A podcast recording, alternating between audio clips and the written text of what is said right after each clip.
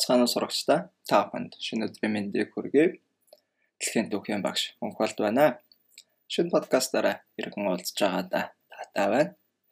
Энэ удаагийн подкаст маань өнгөрсөн подкастуудаас харьцангуй өрмөц ялгаатай байх болно.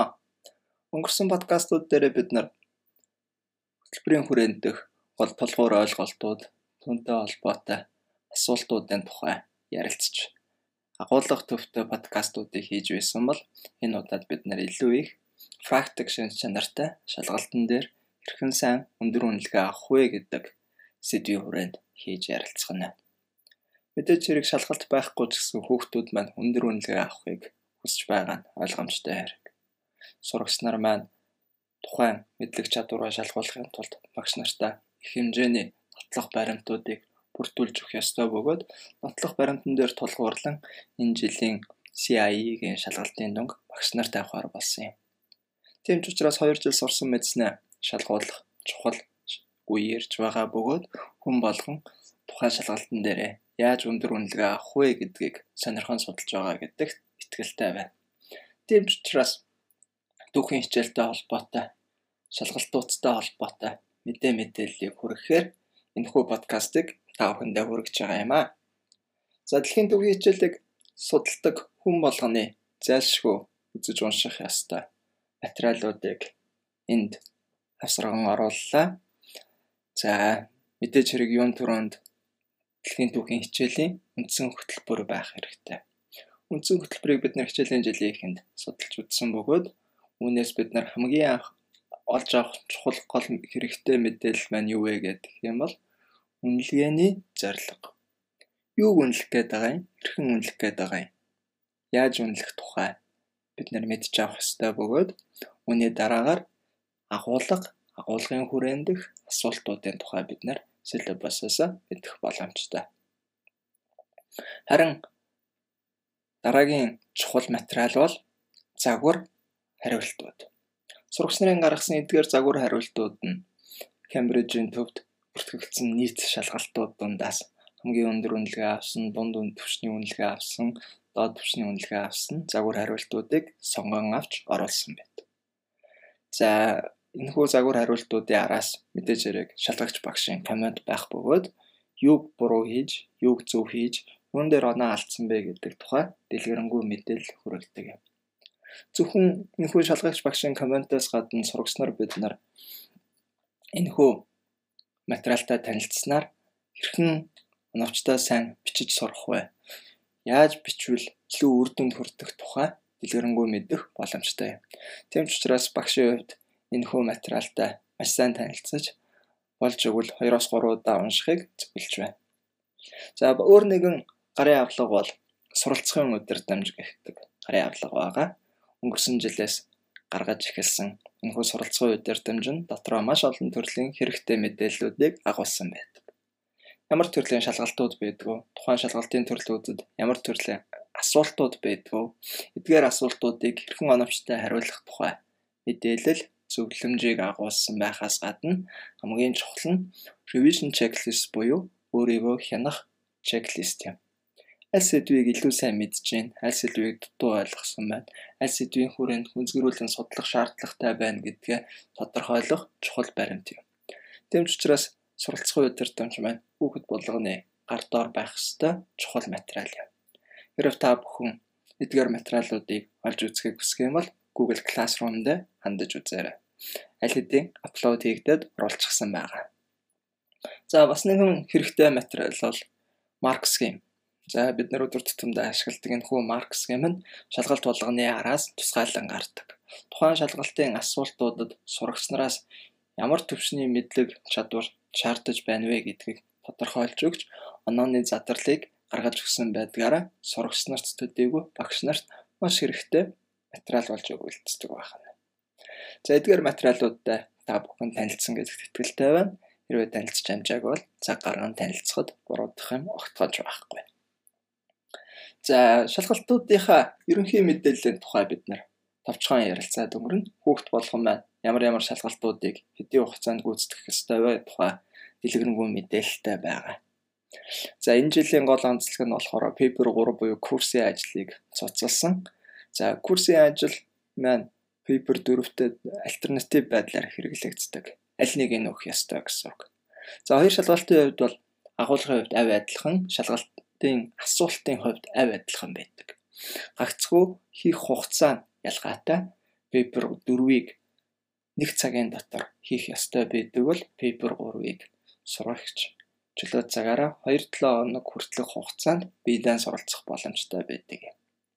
Мэдээж хэрэг paper 4-ийг нэг цагийн хугацаанд хийхдээ 2000 хүүхдээ эссе бичнэ гэдэг бол боломжгүй зүйл харин арай цөөн хүүхдээ гэхдээ гол утга санаануудыг агуулсан ижил төрлийн шалгалтыг paper 4 дээр өгдөг байх нэ. За энэ шалгалтуудын арталт ямар зорилго тавьж чиний юуг үнэлж түн дээр оноо өгж ийн вэ гэдгийг тодорхойлдог зүйл бол assessment objective юм. Монголоор орчуулах юм бол үнэлгээний зорилго. Юу юг үнэлгээний зорилго болгож тодорхойлсон бэ гэдэг нь таныг ямар төрлийн мэдлэг чадвар эзэмшиж юуг харуулснараа оноо авах боломжтой вэ гэдгийг тодорхойлж өгдөг байна. Дэлхийн түүхийн хичээлийн хувьд дараах үндсэн 3 зорилгыг тавьдаг. Нэгдүгээрх нь түүхэн мэдлэг чадвараа мэдлэгийг ашиглах. Хоёрдугаарх нь түүхэн тайлбаруудыг ашиглах. Гуравдугаарх нь түүхэн их сурвалжуудыг ашиглаж оюун дүгнэлт гаргах гэсэн ийм гурван үндсэн чадвар байдаг. За энэ гурван үнэлгээний зорилгоодыг бид нар задлж авч үзэх юм бол эхнийх нь түрүүн хэлжсэн түүхэн мэдлэг. Аливаа түүхэн үйл явдлын мэдэж байна уу юу гэдгийг шалгахын тулд он цаг хугацаа, үйл явдлууд, за мөн түүхэн зүтгэлтэн болон түүхэн бүлэгүүд, за мөн түүхтэй холбоотой концепц, идеануудыг хэр сайн мэдэж байна вэ гэдгийг шалгадаг байх нь. Зөвхөн мэдэж байх гэхээсээ гадна та үнийг сэргээн санаж чадаж байна уу юу? Зөв хэрэгтэй цагт нь гаргаж ашиглаж чадаж байна уу юу гэдгийг шалгадаг байх нь. Урд нь хичээлийн явцад хэлжсэн ийм төрлийн мэдлэг шаардсан асуултууд маш ховор бөгөөд шалгалтын 30%-ийг эзэлдэг. Мэдээж хэрэг зайлшгүй байх ёстой зүйл. Хэрвээ та түүхэн мэдлэггүй бол түүхийн тухай ямар ч аргумент дэвшүүлж чадахгүй, маргаан нэгэн тайлбар гаргаж чадахгүй гэсэн үг. Тийм учраас бүх юмны суурь болсон энэ түүхэн мэдлэгийг шалгадаг энэхүү хэсэг маань нийт шалгалтын онооны 30%-ийг бүрдүүлдэг байна. Мөн бусад аа зорилгоудаас ялгаатай бүх шалгалтанд тодорхой хуваар оноо эзэмшдэг байна. Paper 1 гэх шалгалтанд нийт 60 онооны 20 оноог, Paper 2-ын хувьд нийт 50 онооны 10 оноог, Paper 3 эсвэл 4-ийн нийт 40 онооны 15 оноог энэхүү зорилгыг хангасан хэсгээр нь үнэлгээжүүлдэг байна. Дараагийн үнэлгээний зорилго маань түүхэн тайлбарыг хийж чадаж байна уугүй юу гэдэг үнэлгээний зорилго.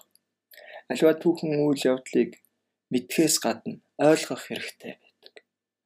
Ойлгоно гэдэг маань болохоор мэдлэгээс илүү гүнзгий зүйл байна. Яагаад болсон? Ямар үр дүнд хүрсэн? Ямар нөлөөлөл үзүүлсэн? бусад үйл явдлуудаас ялгаатай болон төсөөтэй тал нь юу вэ? Үргэлжилсэн юм уу? Эсвэл өөрчлөгдсөн юм уу гэдэг энэ нөхцөл байдлуудыг таниулж тайлбар хийх шаардлагатай. Энэхүү төрлийн шалгалт шалгалтын одоо үнэлгээний зорилго нь paper 1 3 дээр чухалчилж тавигдсан байдаг.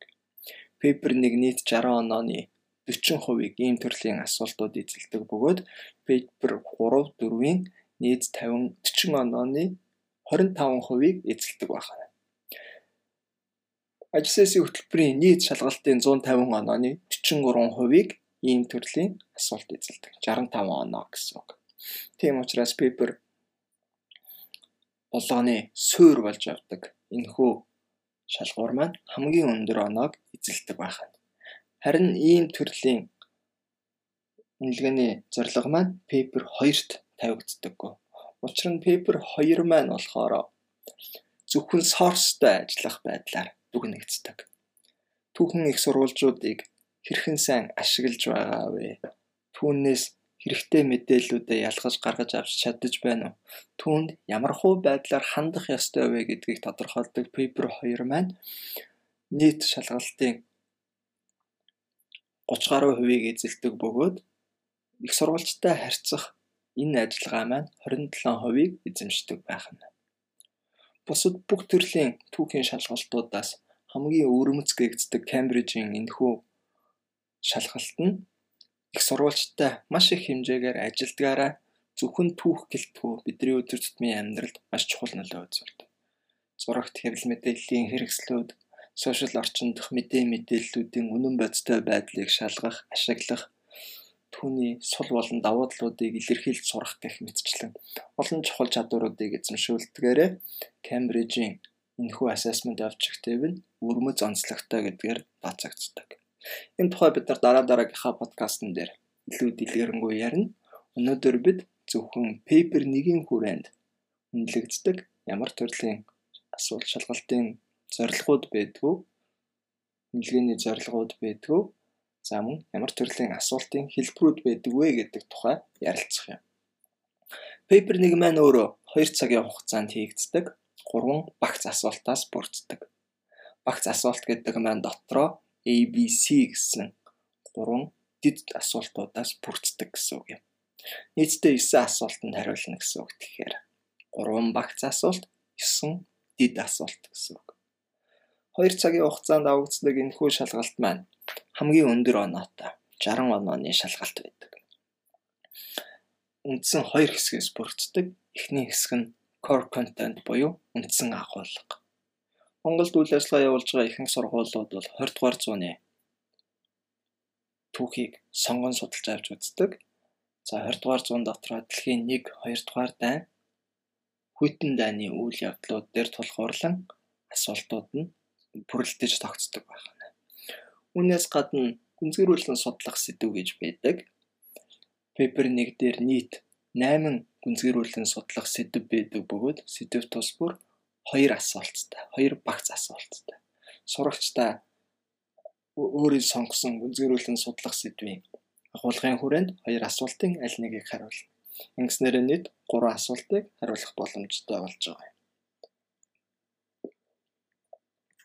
За багц асуултын дотор байдаг гурван төрлийн асуулт байдаг гэж хэлсэн. Эхний асуултын төрөл маань болохоор type A question. За энэ төрлийн асуултууд маань үндсэн үйл үг нь what буюу юу гэдэг түлхүүр үгээр томьёологддог. Ардталтаа үргэлж тоочмжуудыг шаардж байдаг байна. Тоочмж гэхээр тайлбараас ялгаатай чи түнд ямарваа нэгэн анализ эсвэл дүн шинжилгээ эсвэл оюун дүгнэлт гаргах шаардлагагүй. Цэвэр мэдлэг дээр тулгуурласан хариулт өгөх ёстой ийм асуултын хэлбэр юм. Тийм ч учраас хамгийн бага оноог эзэлдэг дөрвөн онооны асуулт байдаг. Түүхэн үйл явдал, нөхцөл байдал, түүхийн тухай ойлголтуудыг багцлан асуудаг энэхүү асуулт нь маань өөрөө маш их дэлгэрэнгүй тодорхой хариулт өгөхийг шаарддаг. Энэхүү асуултанд зарцуулах дундаж хугацаа маань 5 минут байдаг. Хэрвээ та 5-аас их минут зарцуулж байвал үн энэ асуултаас авч болох оноондоо хүрэлцэхүйц хэмжээний цагаас аль хэдийнэ илүү зарцуулсан байна гэж ойлгогдож болох юм.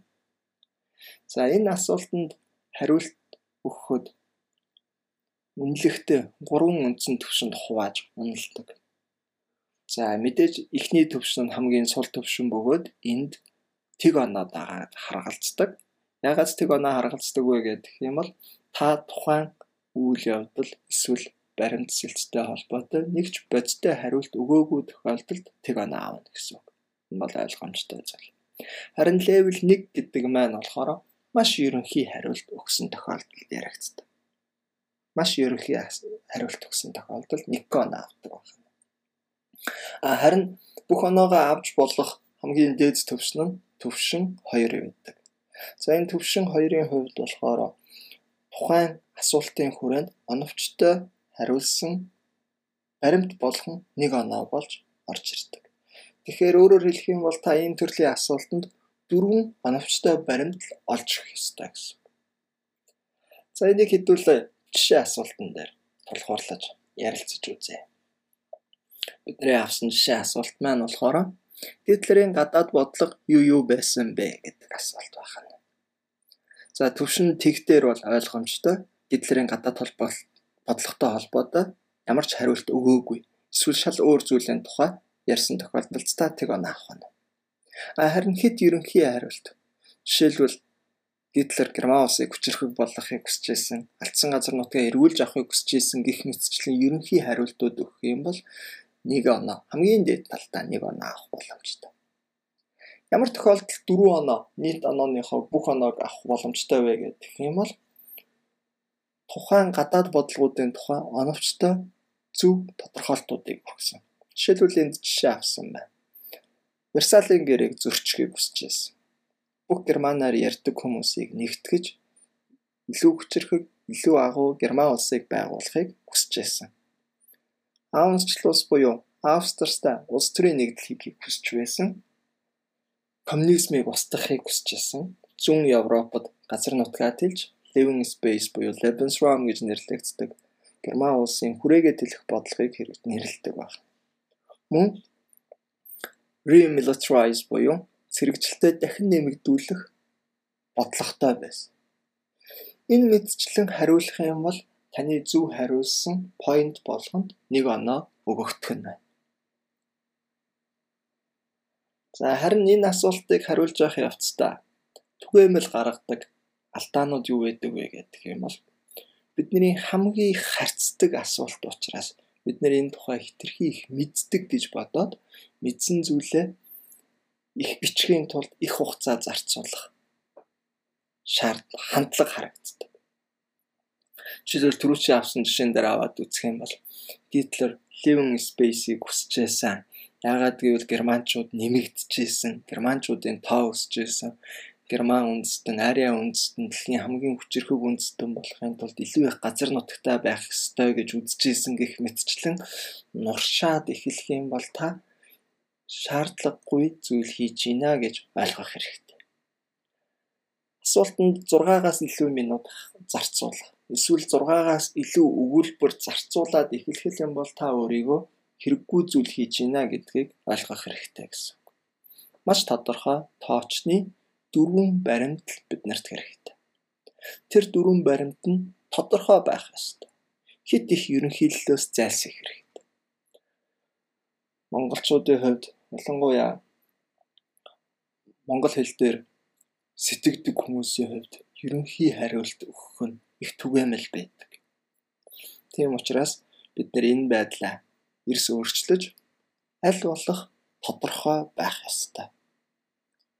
За мөн ач холбогдолгүй болон өөр төрлийн хадуурсан хариултуудыг өгч эхэлдэг. За хамгийн их түгээмэл тохиолддог хадуурсан хариултууд миний мэдхээр жишээлбэл Версалийн гэрээгээр Германы цэргийг хэрхэн багасгасан бэ гэдэг асуулт байлаа гэж бодоход цэргүүдийг багасгахын тухай ярихаас илүүтэйгээр газар нутгаа алдсан ийм хэмжээний нөхөн төлбөр өгөх ёстой болсон гэх мэтчлэн өөр төрлийн мэдээллүүдийг агуулад эхэлдэг. Энэ маань болохоор буруу танд оноо авчирч өгөхгүй бөгөөд таны цагийг барсан үйлдэл болгоно ойлгомжтой. За дээр дурдж ирсэн хэд их ерөнхий эсвэл ямар нэг юмыг тайлбарлах оролцдог энэ байдал маань шалгагч багшийн зүгээс гаргадаг. Түгээмэл комент байдаг.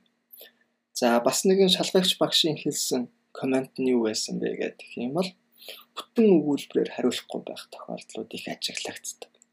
Мэдээж хэрэг бүтэн өгүүлбэрээр хариулахыг заавал шаарддаггүй боловч bullet point хийгээд дурдаад өнгөрөхийг зөв зүйл гэж сайшааж хүлээж авдаггүй байх нь. Тийм учраас шалгалтын дээр аль болох бүтэн өгүүлбэрээр бичиж bullet point хийж нэрийг зааж бичгээс зайлсхийх хэрэгтэй байх нь. За type A хувийн хувьд ийм байна. Маш хямдхан хамгийн амархан гэж хэлж болгох ийм асуулт байна. Мэдээж хэрэг та энэ асуултанд бүрэн оноо авахын тулд болох их юм уншиж, уншсан юмнуудаа тэмдэглэж тогтоох хэрэгтэй. Өөр ямар ч зүйл хэрэггүй байхана. За харин дараагийн асуултын төрөл бол type B question. За part B questions гэж нэрлэгддэг. За энэ төрлийн асуултууд маань болохоор ихэнхдээ тайлбар шаардсан асуултууд байдаг. Тайлбар шаардсан асуултууд. Тоочмж тайлбар хоёр маань ялгаатай гэдгийг бид нар санах хэрэгтэй. Тайлбар гэдэг маань альваа асуудалд яагаад гэдэг шалтгааныг тодруулах хэрэгтэй байдаг. Тийм ч учраас энэ асуултууд маань голцов why гэх үгээр тодорхойлогддог. Яагаад ийм зүйл болсон бэ? Яагаад ийм нөхцөл байдал үүссэн бэ? Яагаад ингэх шаардлага гарсан бэ? гэх мэтчлэн тайлбаруудыг шаарддаг. Энэхүү асуулт маань өөрөө 6 онооны асуулт байдаг. 6 оноог бүтэн авахын тулд хоёр шалтгааныг бүрэн тайлбарлсан байх ёстой.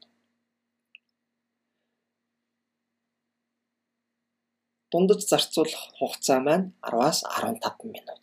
Хэрвээ та энэхүү асуултан дээр 15 минутаас их хугацаа зарцуулаад байх юм бол хамгийн чухал асуултуудтай бусад хэсгүүдтэй цаг гаргах боломжгүй болох магадлалтай юм.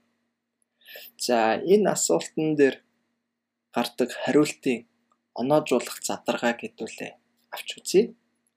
За мэдээж хэрэг левел тэг төвшин энд ямар ч оноо өгөхдөггүй гэсэн. Харин левел 1 төвшөнд тодорхой баримтсэлт байхгүй ерөнхий хариултууд байдаг. За левел 2 төвшөнд асуудлыг тодорхойлсон эсвэл дүрсэлсэн байдаг. Тайлбарлах, дүрслэх, тайлбарлах, тооцох зэрэг нь хоорондоо ялгаатай гэдгийг маш сайн анхаарах хэрэгтэй. Ихэнх тохиолдолд бид нар тайлбарлахаас илүү дүрслэх гээд байдаг энэ байдлаасаа зайлсхийх хэрэгтэй. Хэрвээ та нэг шалтгааныг бүрэн тайлбарлсан байх юм бол 4-өөс 5 оноог авах боломжтой. Харин хоёр шалтгааныг бүрэн тайлбарлсан байх юм бол та 6 оноо буюу хамгийн дээд оноог авах боломжтой. За энэ хүү асуултын төрөл дээр загвар асуултыг авч үзье. League of Nations-ийн үйл ажиллагаанд түүний эйженсинууд хэр чухал байсан бэ гэдэг асуулт байна. Хэрвээ та энэхүү асуултанд эйженсүүдийн agencies буюу салбар байгууллагуудын тухай нэгч дуртаагүй бол тэг оноо авах нь. Жишээлбэл League of Nations үндсэн зорилгоо хэрэгжүүлэхийн тулд эйженсүүдийг байгуулсан гэж ерөнхийдөө хариулах юм бол хамгийн дээдэлтэй та нэг оноо авах магадлалтай. За түрүүн хэлжсэн шалтгаан нэг биш асуудлыг тодорхойлоод дүрслээд орхих юм бол хамгийн дээдэлтэй та 2-оос 3 оноо авна. Жишээлбэл refugee нүүдтэй League of Nations ажилладаг байсан. League of Nations-ны үндсэн үйл ажиллагаануудын нэг нь дайны үеийн хоригдлуудыг буцаахыг буцаах үйл ажиллагаа байсан гэх мэтчлэн тухайн эйженсүүнийгийн үйл ажиллагааг дурдах юм бол тоочж бичих юм бол та максимум 3 оноо авах боломжтой болно гэсэн. А харин ямар тохиолдолд тайлбар болдог вэ гэх юм бол үндсэн асуултынхаа хүрээнд чухал болохыг нь тодорхойлох ёстой. За жишээлбэл энд жишээ авсан байдал нь League of Nations Health Committee гэдэг салбар нь малария болон бусад өвчнүүдийг устгахад чиглэгдэж байсан. Дарахад чиглэгдэж байсан. Ингэж устгаж дарснараа улс орнуудын тогтвортой байдлыг эдийн засгийн болон улс төрийн тогтвортой байдлуудыг хангаж ичнээн хүмүүст тусалж ийм ийм байдлаараа улс орны дотоод болон гадаад асуудлуудыг шийдэж өгснөөрөө чухал юм а гэдэг байдлаар бичих ёстой байна. За хоёр шалтгааныг чухалчилж авч үзэх хоёр шалтгааныг та бүрэн утгаар нь тайлбарласан байх юм бол нийт 6 оноо авах боломжтой гэсэн. За ийм төрлийн тайлбарууд маш сайн хийж сурах нь чухал бөгөөд маш олон байдалд танд хэрэг болдог. За ийм төрлийн асуулттай ажиллаж байхдаа сурагч нарын түгээмэл гаргадаг алдаа нь түрүүн хэлжсэн шиг тайлбарлахаас илүүтэйгээр дүрслэх гээд байдаг. Дүрслэх гэдэг бол альва юмны шинж чанарыг тоочж бичгийг хэлдэг. Харин тайлбарлах гэдэг бол шинж чанар нь яагаад тийм байгаа юм бэ гэдгийг тайлбарлахад оршдог. За түгээмэл гаргадаг бас нэгэн алдаа маань болохоор focus point буюу төв цэг нь алдагдсан байх тохиолдлууд их байдаг. За параграф бичихтэй бид нэр янз бүрийн мэдээллүүдийг дотор нь хольж хутгаад тайлбар, дүрслэмж хоёрын голоор нь бичих тохиолдлууд маш их байдаг. За аль болох тодорхой нэг параграф гэдэг бол нэг үзэл санааг илэрхийлэх ёстой гэсэн үгнээс маш тодорхой бичих ёстой. За бас нэгэн сул тал нь юу гэдэг вэ гэдэг юм бол энд ийм төрлийн асуултанд хариулж авах явцдаа сурагч нар маань баримт оруулж өгдөггүй. Тийм учраас бүрэн оноогоо авах боломжгүй болж хувирдаг. Зайлшгүй баримт оруулж өгөх ёстой. Таны тайлбарыг баталгаажуулах хамгийн чухал зүйл бол баримт. Гэхдээ дан баримтуудыг бичээд байж болохгүй байх нь. За бас нэг түгээмэл гаргадаг алдаа нь болохоор хит их жижиг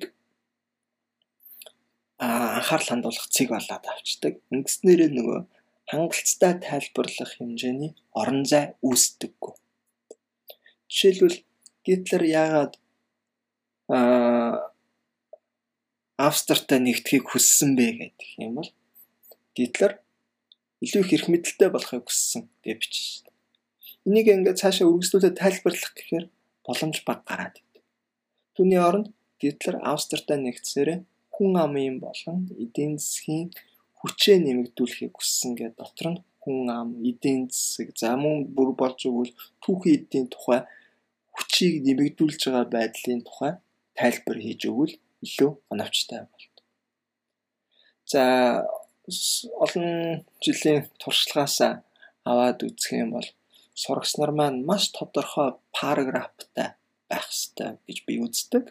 Энэ параграф нь шалгагч багшийг уншихад илүү таатай мэдээлэл олж авахд нь илүү ойлгомжтой болохоос гадна сурагч нар өөрсдийгөө хянахад тусалдаг. Хадуурахгүй, хольж хутгахгүй байх юм тулд тодорхой хэмжээний элементүүдийг параграфтаа оруулж өгөх ёстой гэж багшийн хувьд үздэг. За ямар элементүүд байх ёстой вэ гэдэг юм бол шалтгааныг тайлбарлсан, тодорхойлсон байдал. Жишээлбэл түрүү чи хэлжсэн жишээлбэл Гитлер яагаад Австртай нэгдэхийг хүссэн бэ гэдэг юм бол Гитлер өөрийн болон Герман улсын хүчийг нэмэгдүүлэхийг хүссэн гэдэг маань шалтгааны тодорхойлт болж өгдөг байна.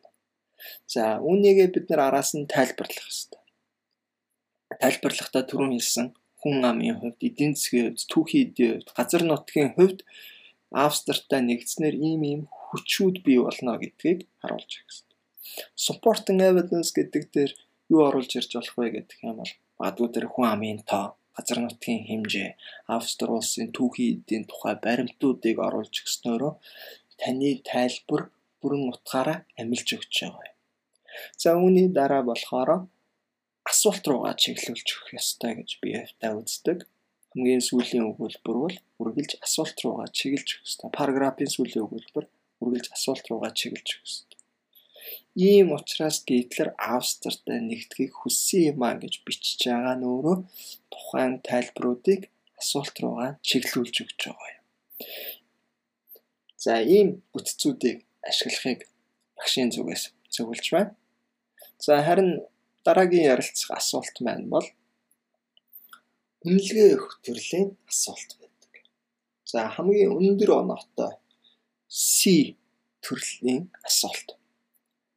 За paper 1 гэх шалгалтанд нийт 60 оноо авдаг. 60 онооны 30 оноог ийм төрлийн асуултаас бид нар авдаг гэсэн.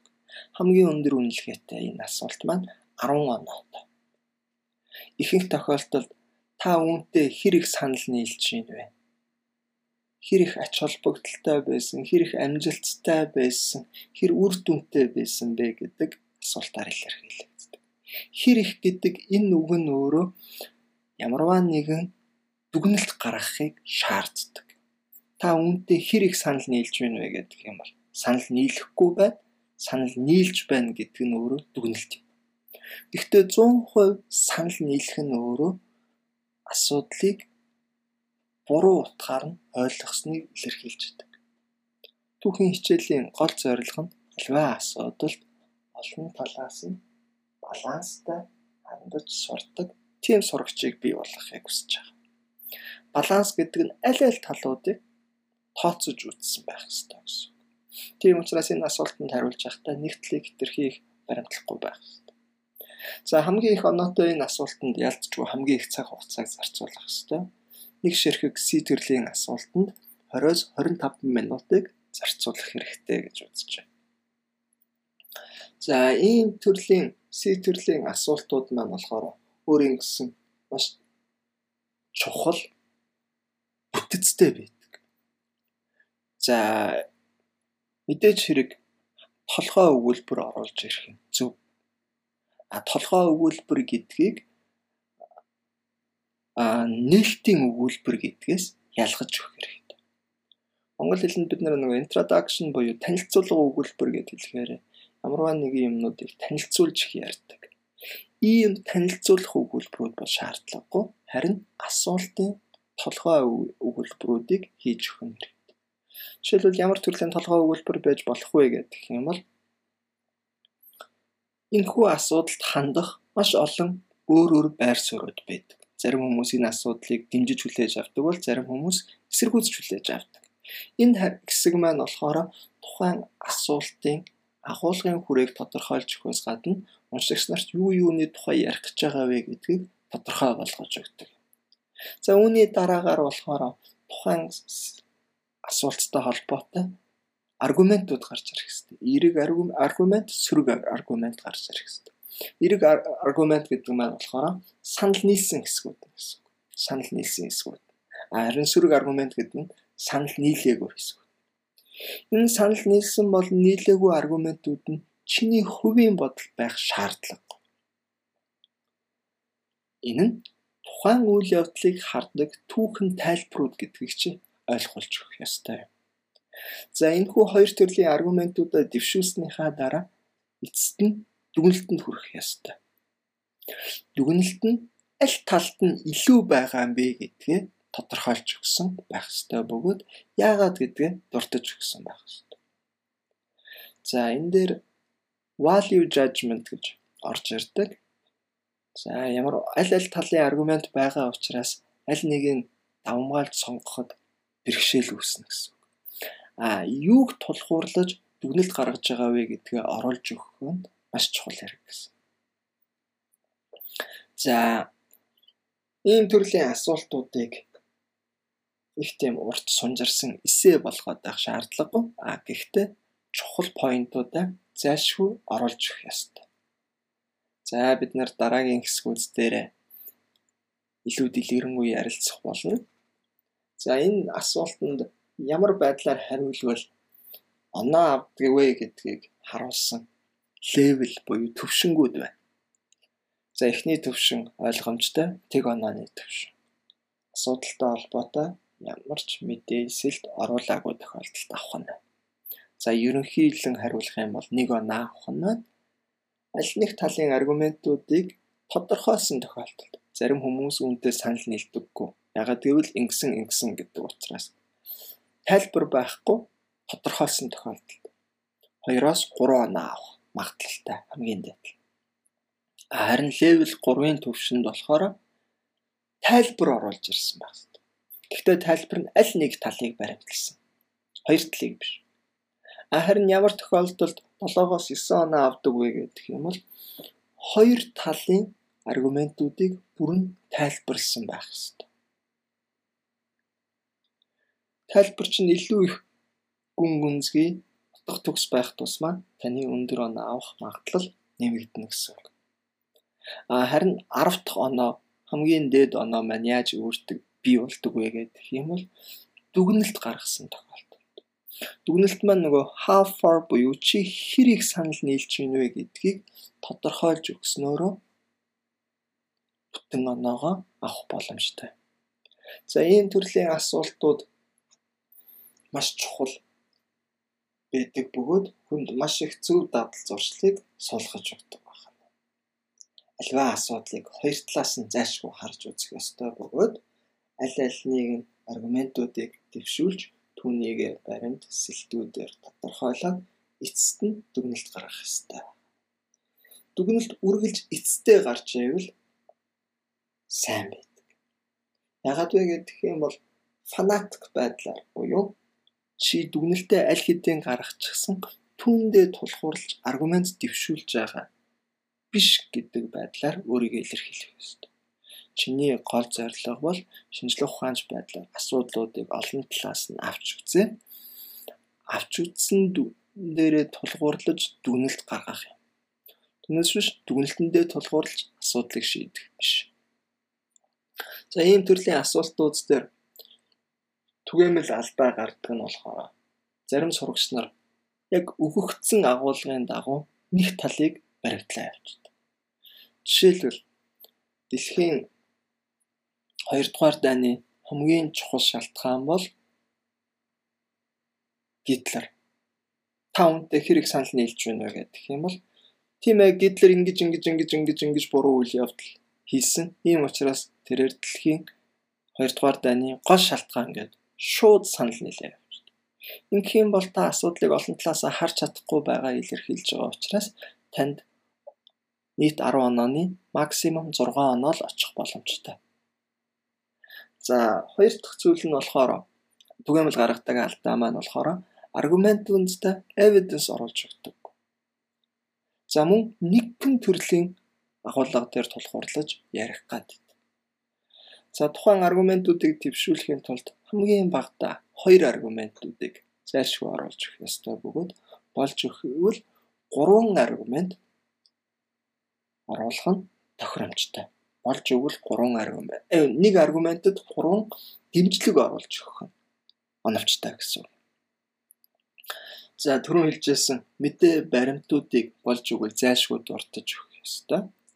За бас нэг түгээмэл гаргадаг алдаа маань болохоор аа тохиромжгүй дүгнэлт гаргадаг.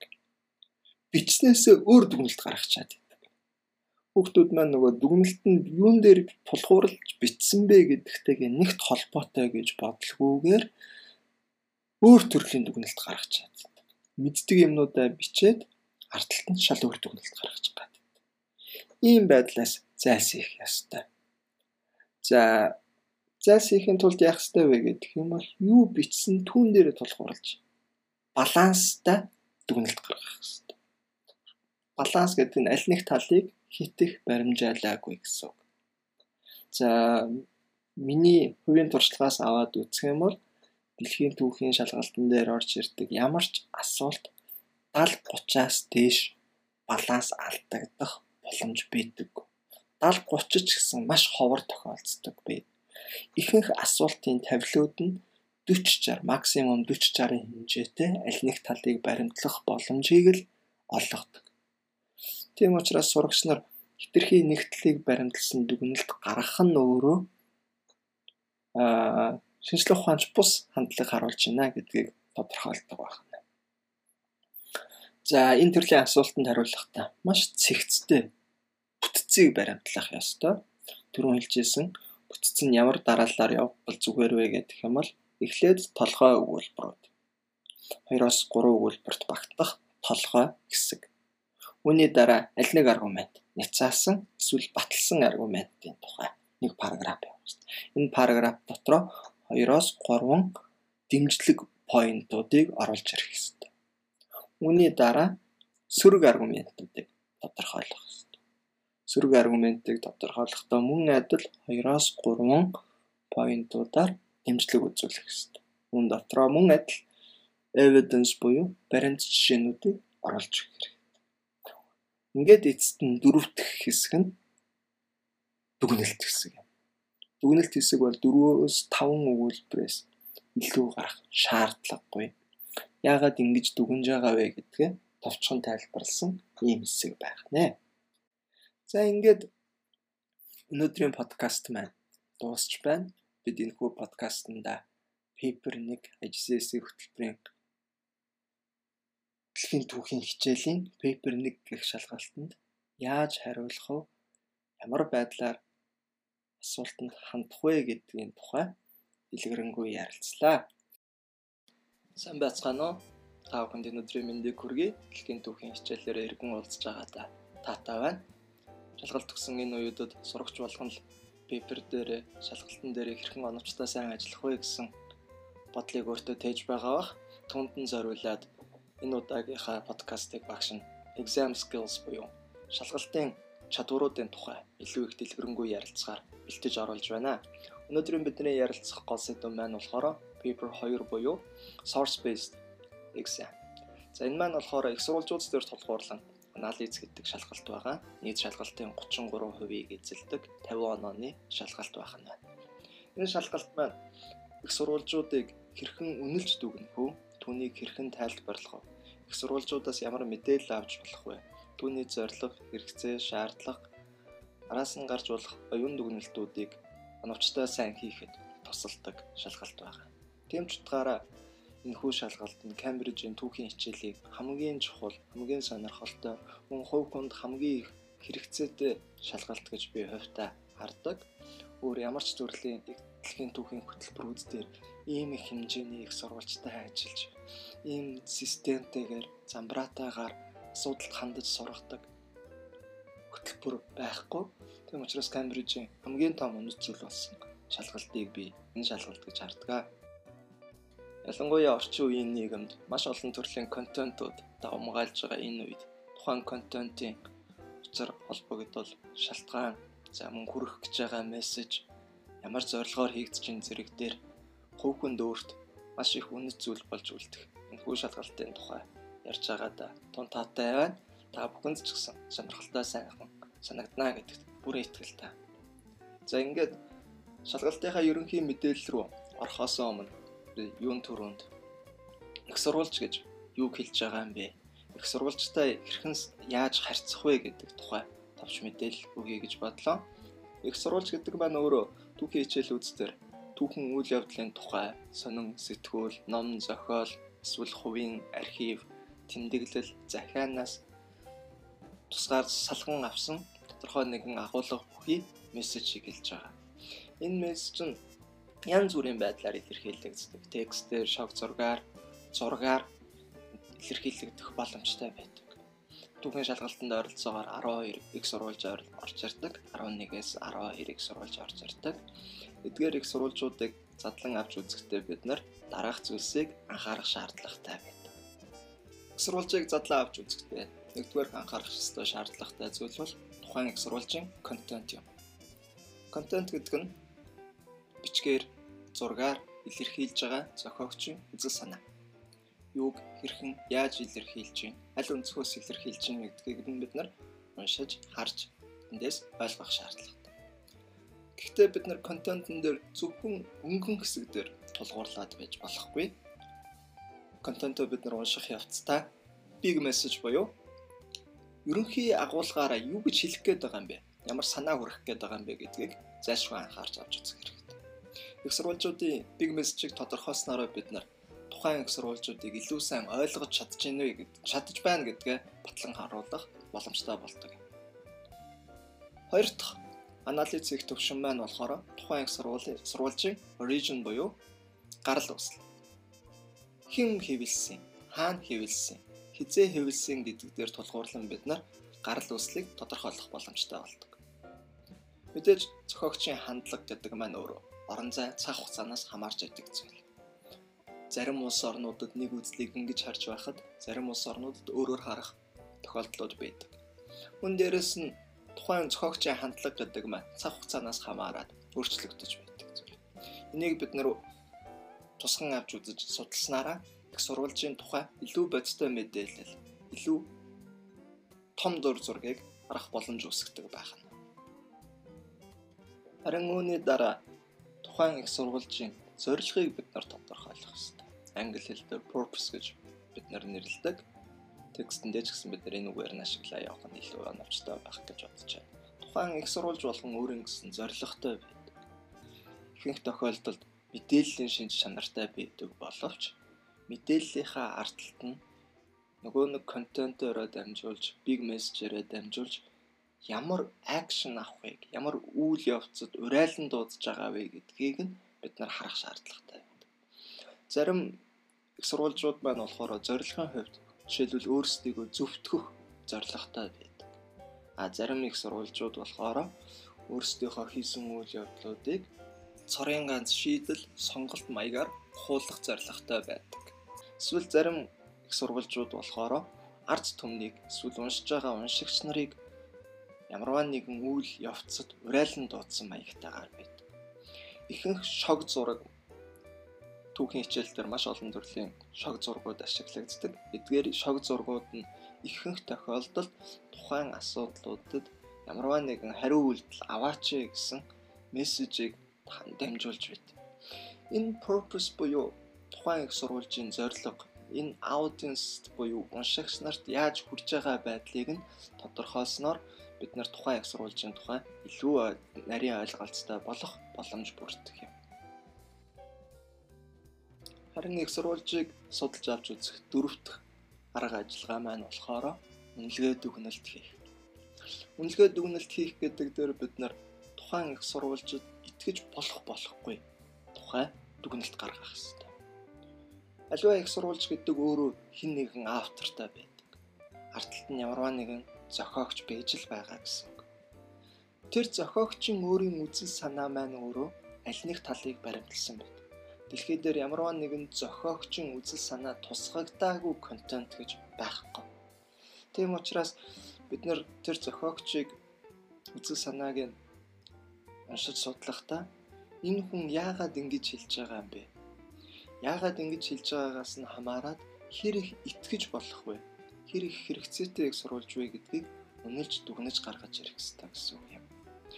Ингэхгүйгээр шууд контекстн дээр тулгуурлаад дүгнэлт гаргана гэдэг маань өөрөө учир дутагдaltaй. Аливаа асуудлыг олон талаас нь харж сурах. Мөн түүний зорилгыг тодорхойлж ямар гарал үүсэлтийг нь тодорхойлснороо бид нар энэхүү дүгнэлтэнд хүрэх боломжтой юм. Ийм байдлаар бид нар их сурвалжийг дөрвөн төвшөнд судалж авч үзэх хэрэгтэй. Дахиад сануулъя. Context, origin, а зорилго, purpose, мөн evaluation буюу үнэлгээ дүгнэлт хийх гэсэн гэсэн. За энэ дөрвөн төвшин яаж их сурвалжийг ойлгоход илүү их тусалж байна вэ гэдгийг нь жишээн дээр тулгуурлан ярилцсан авзээ. Мэдээж хэрэг бидний авах гэж байгаа жишээ бол энгийн хэлбэр жишээ байх болно. Харин түүхийн шалгалтын дээр харьцангуй өөр өөр цогцлбор, шинжтэй, илүү өргөн, далаацтай асуудлыг өөрөөр өнцгөөс харсан томоохон байр суурь бүхий их сурвалжууд орох зэрэг нь дамжиггүй. Гагцгүй бид нар хэрхэн анализ хийх тухай ярилцж байгаа учраас хямдхан жижиг жишээн дээр ярилцаж үзцгээе. За жишээ болгон би өөр дээрээ жишээ аваад үзье гурван өөр төрлийн жишээ аваад аль нь илүү бодтой вэ гэдгийг харьцуулж харах оролдлого хийцгээ хэдүүлээ. Эхний жишээ. Мөнх болд бол сайн хүн гэж мөнх болд өөрөө найз нартай хэлсэн.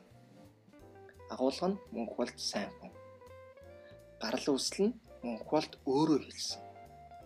Зорилго нь юу вэ гэдэг юм бол найз нартай хэлсэн.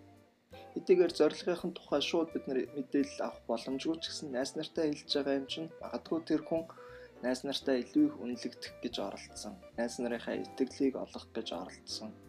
Өөрийгөө сайн хүн гэдэг байдлаар нь ойлгуулах гэж оролдсон гэдэг зорилго төвшүүл. Харин энд хэр их итгэж болох вэ гэдэг дүгнэлт гаргахад магадгүй 40-оос 50% таа ч гэдэг юм уу. Магадгүй түүнээс бага хувьтай байхыг үгүйсэхгүй. Ягаад ингэж хэлж ийнэ гэдэг юм бол хүн болт өөрөө өөрийнхөө тухай ярьсан. Найз нартай ярьсан. Тийм учраас тэр хүн өөрийгөө зөвтгөх гэж өөрийгөө сайн талаас нь харуулах гэж хичээж байгаа учраас итгэх магадлал нь харьцангуй бага гэсэн үг. А тэгвэл хоёр дахь жишээ аваад үз. Хоёр дахь жишээ Мөнхболд сайн хүн гэж Мөнхболдын найз 10 жилийн дараа болсон Мөнхболтой найзснаас хойш 10 жилийн дараа болсон дурсамж нэвтрүүлэг дээр хэлсэн гэж үзье. Тэрээр Мөнхболд сайн хүн гэдэг хэлсэн контент байгаа хэн хэлсэн бэ гэдэг юм бол мөнх болтын найз нь хэлсэн.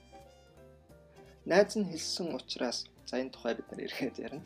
А зорилго нь юу байсан бэ гэдэг юм бол үзэгч нарт мөнх болд сайн хүн гэдгийг ойлгуулах гэж хэлсэн.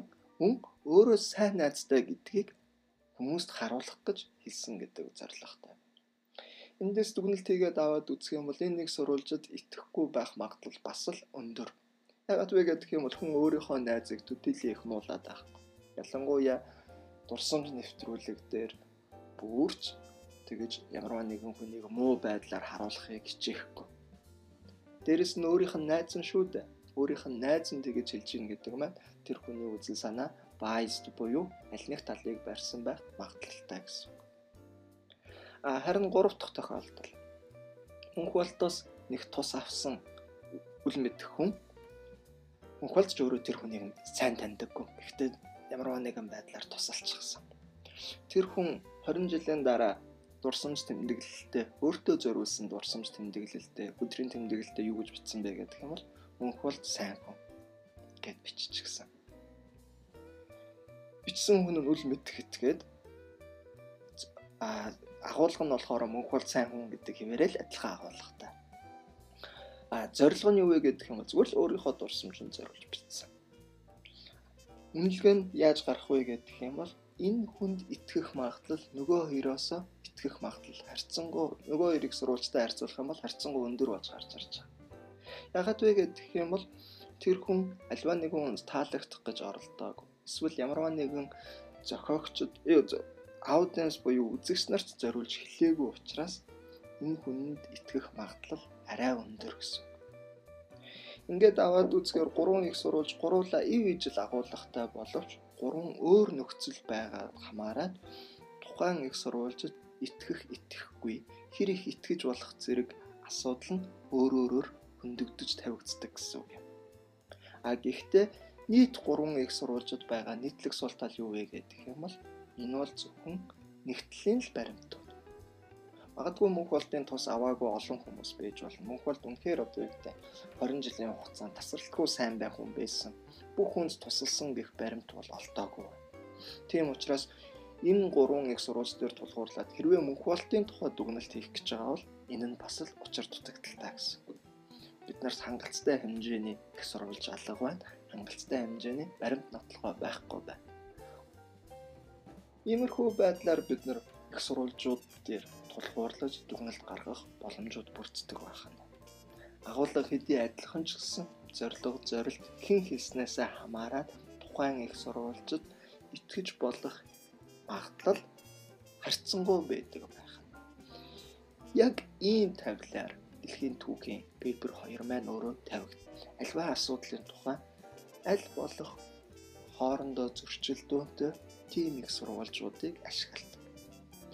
Энийг хэр сайн ойлгож байна? Тухайн их сурвалжийн гарал үүсэл, зорилго, нэлгээ дүгнэлтийг ашиглаж үзээд тухайн асуудлын тухай ямар дүгнэлт хийж байгаа вэ гэдэг нь өөрөө paper 2-ын хамгийн том давуу тал.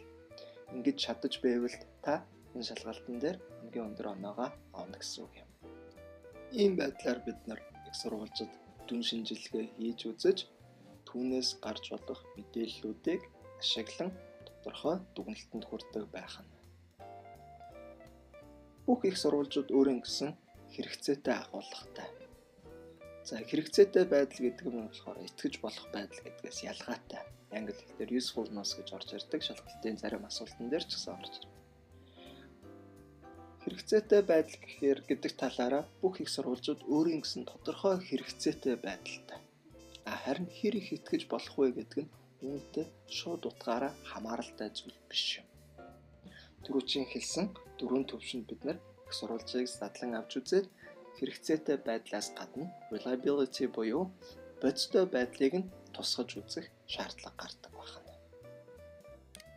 Их сурвалжийн дээрх дөрвөн төвшний анализыг хийхдээ бид нар шалгалтын дээр ирж байгаа их сурвалжуудынхаа хамгийн түрүүнд контекстыг уншиж үзэх хэрэгтэй гэсэн. Үндсэн агуулгыг уншиж үзэх хэрэгтэй. Текст байх юм бол уншиж үзнэ, шог зураг байх юм бол харах нь. За, origin-ыг бид нар origin буюу гарал үүслийг нь хаанаас харж болох вэ гэдэг юм бол их сурвалж болгоны доор хаана хэдэн онд хэн хивэлсэн бэ гэдэг нь бичээтэй байгаа. Италик байдлаар доотлолт нь их сурвалжийн caption гэж нэрлэгддэг. Тэр зүйл дээр origin-ийн тухай бичсэн байна. За purpose нь сонинд хэвлсэн юм уу, номонд хэвлсэн юм уу зэрэг мэдээлэлээс тулгуурлан бид нар өөрсдөө хийсвэрээр дүгнэж үзэх хэрэгтэй болдог. Ямар зорилгоор хийгдсэн байж болох уу гэдгийг бид нар судалж үзэх хэрэгтэй. Энэ хэсэгт болохоор background knowledge буюу бидний тулгуур ойлголтууд, урд нь мэдэх ойлголтууд биднэрт тус болно гэсэн үг. А харин evaluation гэдэг хэсэг маань болохоор дээрх 3 дээр тулгуурлаад бид нэр өөрсдөө сэтгэж биедан хийх шаардлагатай гэсэн үг.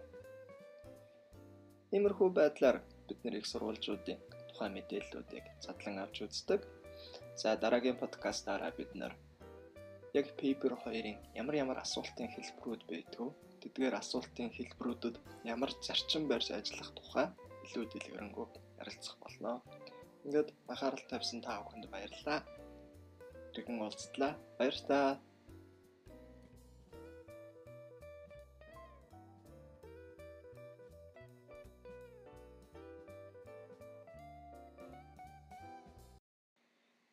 Сайн байна уу? Та бүхэнд өнөөдрийн мэндийг хүргэе. Дэлхийн түүхийн подкастаараа иргэн уулзж байгаадаа татаа байна. Түрүүчийн подкастаараа бид paper 2 дээр source буюу их сурвалжуудыг хэрхэн анализ хийх тухай яригдж байсан бол өнөөдрийн подкастаараа бид paper 2 source-тай асуултууд дээр хэрхэн ажиллах вэ тухай ерөнхий мэдээлэл зөвлөгөөг хүргэхээр бэлдээд байна. За, юун төрөнд шалгалтынхаа ерөнхий онцлог тухай тодорхой ярилцах нь зүйтэй баг. Paper 2 маань өөрөө 2 цаг буюу 120 минут үргэлжилдэг. 10-аас 12 их сурвалжууд агуулгадаж 6 асуултанд хариулах ёстой байдаг ийм шалгалт. Нийт 50 онооны шалгалт бөгөөд нийт авах ёстой онооны 33%-ийг дангаараа эзэлдэг шалгалт юм а. Бусад шалгалтуудтай харьцуулах юм бол тухайн сурагчаас суур мэдлэг харьцангуй бага шаарддаг.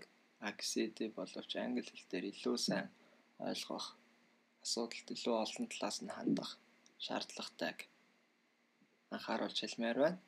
Энэхүү шалгалтанд хариулахдаа багш нь дараах тактикуудыг баримтлан ажилласаа гэдэг зөвлөгөөнүүдийг хүргэж байна. Нэгдүгээр зөвлөгөө. Хамгийн түрүүнд шалгалтынхаа ерөнхий асуултыг унших хэрэгтэй.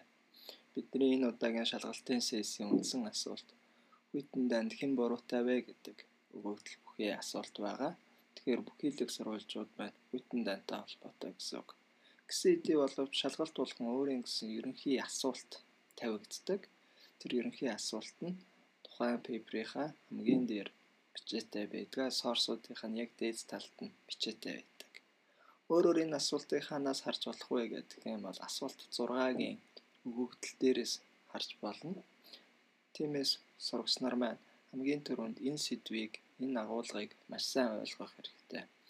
Ингэж ойлгож байж нийт асуултуудаа оновчтой зөв хариулт өгөх боломж бүрдэх юм. Иймээс 6 дугаар асуултын эхний асуултыг маш сайн анхааралтай уншиж дараа хич 2-оос 3 удаа уншсны дараагаар бүрэн ойлголт авсан хэсгээ нэгтэлж үзэх хэрэгтэй. За дараагийн багшийн өгөх зөвлөгөө юу вэ гэвэл шалгалтын дээр орохдоо сурагч нар маань хоёр өөр өнгийн харандаа бал эсвэл тодруулагч ашигласан нь оновчтой гэж би үздэг. Асуулт тус бүр дээр сорсуудаа уншиж явах явцдаа тухайн ерөнхий 6 дугаар асуултны санааг дэмжиж байна уу үгүй юу гэдгийг өөрөөр өнгөөр тэмдэглээ явуучих юм бол дараа нь та бүхэнд маш их цаг хэмнэх боломж олдож идэг. Бүх их сурвалжууд маань өөрөө их бага хэмжээгээр 6 дугаар асуултууд руу хариулж байгаа. 6 дугаар асуулт тэр бүх их сурвалжуудыг ашиглахыг шаарддаг учраас олон дахин уншиж цаг алдахгүй тулд анханасаа уншихдаа 6 дугаар асуултанд хариулж болох эсгүүдээ тэмдэглээд доогуур нь зурах юм эсвэл тодруулах байдлаар хийгээд явчих боломжтой. Хэрвээ өөр өнгийн бал харандаа ашиглахгүй тохиолдолд бол арталт нь тухайн их сурвалжуудын тодорхой хэсгүүдийн арталт нэмэх хасах тэмдэг тавиа яваад иж болдог. Би хувьдаа ихэнх пейперийг ажиллахдаа ийм байдлаар өөртөө цаг хэмнэж Дараа нь аль их сурвалжууд тухайн өгөгдсөн санааг дэмжиж байна вэ? Дэмжихгүй байна вэ гэдгийг тэр тэмдэглэгээнээс хараад авах боломжтой байдаг юм аа. Дараагийн зөвлөгөө бол цаг ашиглалтын тухай. Тухайн асуултын оноог хоёроор үрдсэнтэй тэнцвэц хэмжээний хугацаа хариултандаа зарцуулах хэрэгтэй. Жишээлбэл 8 онооны асуултанд ойролцоогоор 16 минут, 12 онооны асуултанд хамгийн ихдээ 30 минутыг зарцуулах боломжтой гэсэн үг юм. Ингээд аваад үзэх юм бол нийт 50 онооны асуултанд бид нар 1 цагийг юу 100 минутыг зарцуулах боломжтой гэсэн үг. Харин үлдсэн 20 минутанд нь асуултанд хариулахаас өмнө их сурвалжуудаа маш сайн унших хэрэгтэй. Их сурвалж тус бүрийг 2-оос 3 удаа унших нь оновчтой бөгөөд их сурвалжаа буруу ойлгох юм бол тухайн шалгалтын дээр өндөр оноо авах магадлал тэр чинээгээр буурна гэсэн үг юм. Их сурвалжийг мөн асуултыг зайлшгүй 2-оос 3 удаа унших хэрэгтэй. Бас нэгэн зөвлөгөө бол их сурвалжуудыг уншаад хариулт бичих явцдаа хүүхдүүд маань тухайн их сурвалжуудыг тайлбарлах яг юу гэж хэлж байгааг нь нэг бүрчлэн буцааж бичих тохиолдлууд маш их ажиглагддаг. Шалгагч багш нар ямар их сурвалж байгааг бүрэн сайн мэдж байгаа учраас та бүхэн тэрийг давтан ярих, дахин дахин нуршиж бичих нь шаардлагагүй зүйл юм. Зарим тохиолдолд сурагч нар маань яг хажууд нь байгаа уншаагүй хараагүй хүнд тухайн их сурвалж юу гэж хэлж ийн вэ гэдгийг бичих гэж маш их цаг хугацаа зарцуулдаг. Энэ бол хийгдэх ёстой ажил ерөөсөө биш. Их сурвалжаас мэдээж зэрэг ишлэл авч өөрийнхөө гаргасан санааг дэмжлгүй вэ? Гэхдээ их хэмжээгээр биш. Нэг дор нэг өгүүлбэр, нэг үгийг л хамгийн ихтэй авахд хангалттай. Өөрийнхөө гол гаргалгаа, санаануудыг илүү их бичиж ажиллах нь оноогийн чинь өндөр авахд голлох үүргийг гүйцэтгэх болно. Дээрх ерөнхий зөвлөгөөнөөс гадна асуулт бүр дээр хэрхэн ажиллах тухай зарим нэг тактикийн шинжтэй зөвлөгөөнүүдийг өгье. За түгээмэл тохиолддог хамгийн хялбар, хамгийн цөөн оноотой асуулт юу вэ гэвэл яагаад энэ их сурвалж хэвлэгдсэн бэ гэдэг асуулт байдаг. За энэ нэг сурвалж яагаад хэвлэгдсэн бэ гэх ийм төрлийн асуултан дээр бусад шалгалтын B асуулт буюу Y асуулттай адилхан хоёр шалтгаан өгөхөд хангалттай байдаг. Энэ тохиолдолд тухайн агуулга доторх контентоос илүүтэйгээр зохиогчийн гаргах гэсэн санааг маш сайн тодруулах хэрэгтэй. Үзэгч нарт, уншигч нарт ямар нөлөөлөл үзүүлэх гэж оролдож байна вэ? Түүгээрээ дамжуулан ямар акшн авахыг шаардаж байна вэ гэдэг тухай бичих юм бол илүү үр дүнтэй байна. Мөн оныг нь маш сайн ашиглаж үзэх хэрэгтэй. Ер нь альва түүхийн хичээлүүд дээр бай, асуултууд дээр байгаа оныг маш сайн тооцож тэр оныг онцлсон зайлшгүй нэг өгүүлбэр хийх хэрэгтэй. Яагаад энэ онд хэвлэгдсэн бэ гэж асуух юм бол энэ онд ийм ийм үйл явдал болж байсантай давхцуулаад ийм үзэл санаа илэрхийлсэн гэсэн байдлаар тайлбар хийх шаардлагатай. Ийм төрлийн асуултууд голцоо 8 онооны асуултууд байдаг. Тэгэхээр ойролцоогоор 16 минутыг зарцуулахад хангалттай юм. 16 минутанд хангалттай их хариулт бичиж болох хугацаа. За бас нэгэн хялбар асуулт бол what is the message of this sources гэдэг байдлаар хэлбэрчилдэг. За энэ асуулт 5-аас 6 онооны хамгийн хямд хамгийн хялбар асуултад тооцогддог. Ийм төрлийн асуултуудад тухайн сурвалжаас юу олж харж байгаагаа, юу мэдэж авч байгаагаа тайлбарлах хэрэгтэй. Гол мессеж нь юу вэ? Үндсэн үзэл санаа нь юу вэ? ямар зорилгоор хийгдсэн хүмүүст ямар төрлийн мэдээлэл олгох гээд байна вэ гэдэг ийм төрлийн мэдээллүүдээр хариултаа бүрдүүлж хийнэ гэсэн үг. Гүнзгийрүүлэн тайлбарлах шаардлагагүй. Ойролцоогоор 7-оос 8 өгүүлбэрээс хэтрэхгүй байх ёстой ийм хариулт ба хэрэгтэй. Дараагийн түгээмэл асуулт бол их сурвалж, хоёр их сурвалжийг хооронд нь харьцуулах төрлийн асуулт. How contrasting view, how similar how far those those two sources agree with each other гэдэг түлхүүр үгнүүдээр ийм төрлийн асуултууд нь хэлбэршин тогтч яддаг байна. Энэ асуултанд хариулахдаа тухайн хоёр их сурвалжийг сайтар уншаад юун дээр санал нийлж байна, юун дээр санал зөрөлдөж байна гэдгийг тооцож авч үзэх ёстой. Жишээлбэл League of Nations-ны тухай League of Nations-ны бүтлгүүтлийн тухай хоёр их сурвалж байлаа гэж авч үзэх юм бол эдгээр их сурвалжууд нь League of Nations бүтлгүүтсэн тал дээр санал нэг байна. Ийм ийм байдлаар энэ их сурвалжууд баталж байна. Харин ялгаатай тал нь юунаас болж бүтлгүүтсэн байна вэ гэдгийг харуулж өгсөн байна. Source A нь ийм юмнаас болж бүтлгүүтсэн гэж хэлж байхад source B нь ийм шалтгааныг дэвшүүлсэн байна.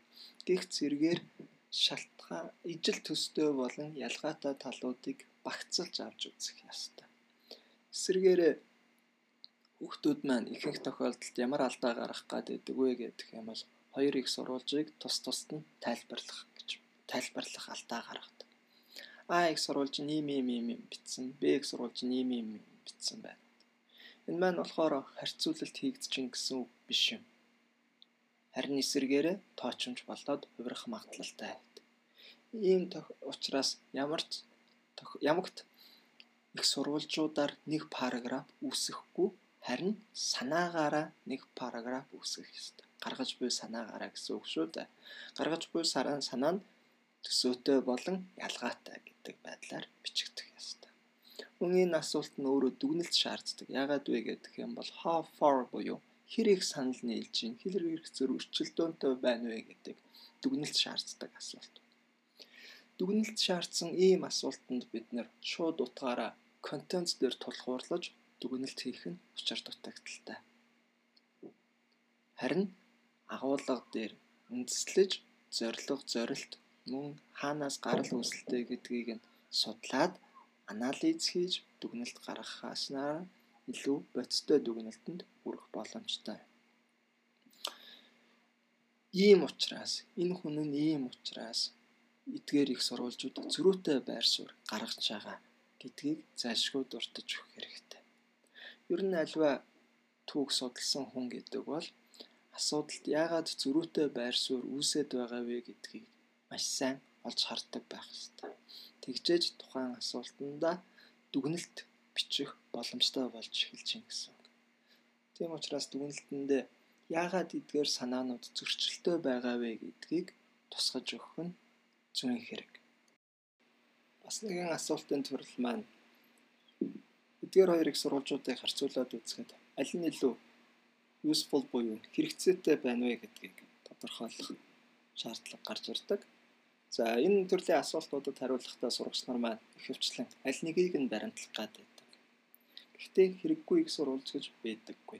Их сурвалж болон өөрийн гэсэн агуулгаараа өөрийн гэсэн хүрэх гэж байгаа мэдээллээр эсвэл зохиогчийн үзэл санааг тусгаснараа юм уу эсвэл зохиогчин яагаад яг ингэж хэлсэн бэ гэдгийг харуулах байдлаараа зайлшгүй хэрэгцээтэй байдаг.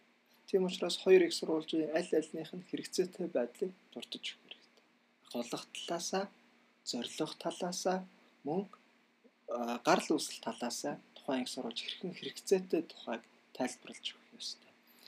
Хэрвээ та аль нэг их сурвалжийг нөгөөгөөс нь илүү их хэрэгцээтэй гэж авч үзэх юм бол энэ нь учир дутагдaltaй бөгөөд таны оноонд сөргөөр нөлөөлөх юм.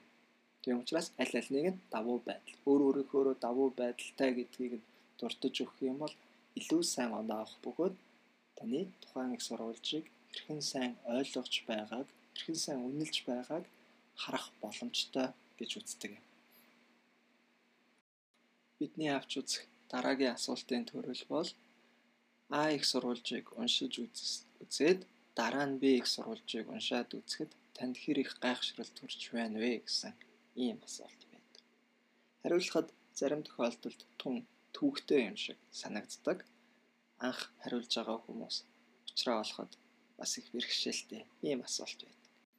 Ягаад түүхтэй болгодог вэ гэдэг юм бол тухайн хоёр их нь нэг асуудлын тухай тис өөр байр суурьуудыг илэрхийлсэн байдаг. Зарим тохиолдолд нэг хүний өөр өөр байр суурийг хүртэл илэрхийлсэн Ийм учраас алинд нь яг итгэх вэ? Аль нь аль нэгээ surprise болгох жагааг нь яаж үнэлэх вэ гэдэг дээр сурагч нарт эргэлзээ төрдөг байхад. Харин хариулахдаа ямар хуу тактик барих вэ гэвэл та аль болох бага гайхширах хэрэгтэй. Түүх судалсан хүн, түүхийн ач холбогдлыг үнэлж судалсан хүн гэдэг маань өөрөө альва хүний хандлага, цаг хугацаа, орон зайнаас хамаарч өөрчлөгддөг гэдгийг мэдэх ёстой. Мөн дээрээс нь тухайн их сурвалжуудын ямар зорилго агуулсан байна вэ гэдгийг харьцуулж авч үзэх хэрэгтэй. Тэдгээр зорилгыг нарийн сайн мэдэж арталт нь байгаа учир шалтгааныг ойлгож чадж байгаа хүнд тухайн их сурвалж төдийлөн их surprising буюу одоо гайхшрал төрүүлэхээргүй байгаа гэдгийг нь илт байна гэдгийг харах хэрэгтэй. Үн дээр нэг жишээ аваад үзье. Жишээлбэл Герман улс League of Nations элсэх тухай анх яригдчих үе. Буюу 1920-ад оны үеүүдэд League of Nations бол олон улсын ийм мундаг байгууллага гэдгийг огтхонч хүлээн зөвшөөрдөггүй. Түүний тухай сөрөг байр суурьтай байсан. А харин 1926 онд League of Nations-ийг гишүүн болохдоо энэ хамгийн чухал байгууллага мэтэр тодорхойлж ярьсан байдаг. Нэг хүний хэлсэн энэ хоёр өөр зөрүүтэй байр суурийг бид нэр судалж үзээд тухайн үед League of Nations-д орох боломжгүй байсан учраас тухайн байгууллагын үнд цэнийг алдагдуулах гэсэн, нуулах гэсэн нэгдэх шаардлагагүй гэдгийг харуулах гэсэн өнцөг санааг илэрхийлж байсан бол 26 онд League of Nations элсэхдээ харин хийж байгаа үйлдэлээ зөвтгөөд бид элсэж орох ёстой гэдэг байдлаар тайлбарлагдаж байна. Тийм учраас энэ хоёрыг сурвалж нэг нь нөгөөгөө гайхшруулж чадахгүй байна гэдэг байдлаар хариулах ёстой гэсэн.